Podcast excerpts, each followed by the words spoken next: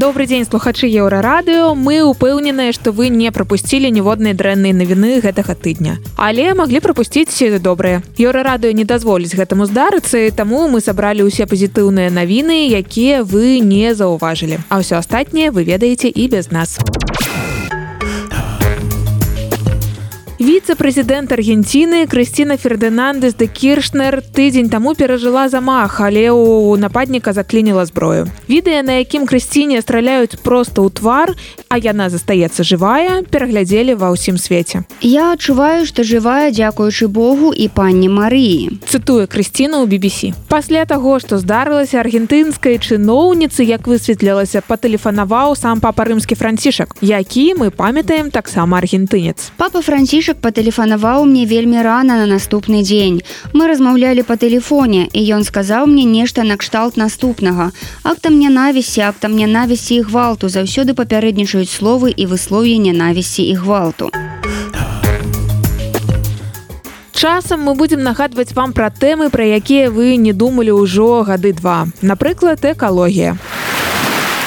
BBC рассказывае, што мільярдэры і заснавальнік бренда адзення Патагонія Івон Шуйнар перадаў сваю кампанію ў дабрачынны фонд. Гэта азначае, што ўсякі прыбытак, які не рэінвестыруецца ў вядзенне бізнесу, будзе адпраўляцца на барацьбу са зменамі клімату.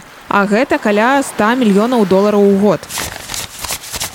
Зямля цяпер наш адзіны акцыянер. Гаворыцца на сайце кампаніі кампанія шуйнара і раней рабіла шмат для клімату у эпоху фаст фэшн то бок хуткай моды калі купіць новае стала прасцей чым адрамантаваць старое патагонія паабяцала пажыццёвую гарантыю на адзенне і рамонт па разумных цэнах. У кампаніі прызнаюць што іх адзенне заўсёды было досыць дарагое. Але гэта таму што яно разлічана літаральна на ўсё жыццё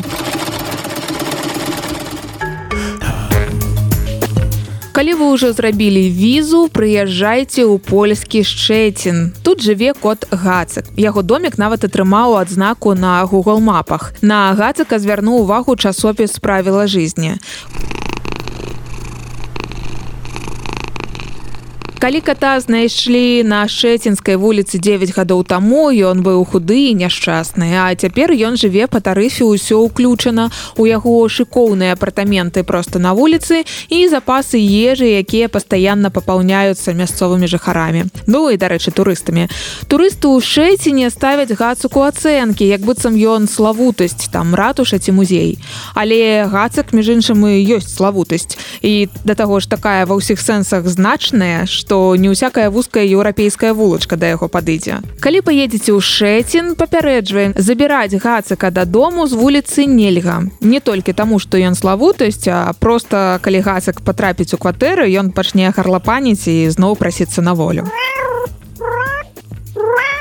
Мясцовыя жыхары жартуюць, што калі б на гербе горада ўжо не было грыфона, туды варта было б змясціць ката гацака.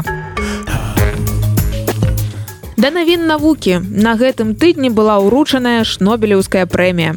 Гэта іранічная прэмія адзначае вынікі навуковых даследаванняў, якія спачатку прымусяць вас падумаць, што навукоўцы займаюцца глупствам, але потым вы задумаецеся. Так, напрыклад, вучоны са Швецыі атрымаў шнобелеўскую прэмію па бяспецы, расказвае BBC. Інжынер Магнус Генс стварыў гумовы манекен лася. Ён ладзіў краш-тэсты для аўто і пісаў па матывах магістрскую дысертацыю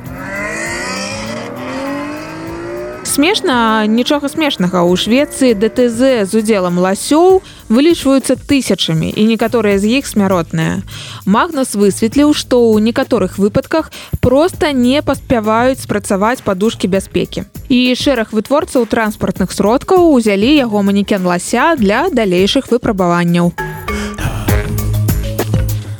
шнобелеўская прэмія гэта як наши агляды сусветных навінаў. Спачатку вы смеецеся з ката гацыка а потым думаеце ці не паехаць вам у шэцін. Чытайце нас кожную пятніцу калі няма часу чытаць дык вось слухайце на любой зручнай платформе. Напрыклад на нашым канале на soundcloud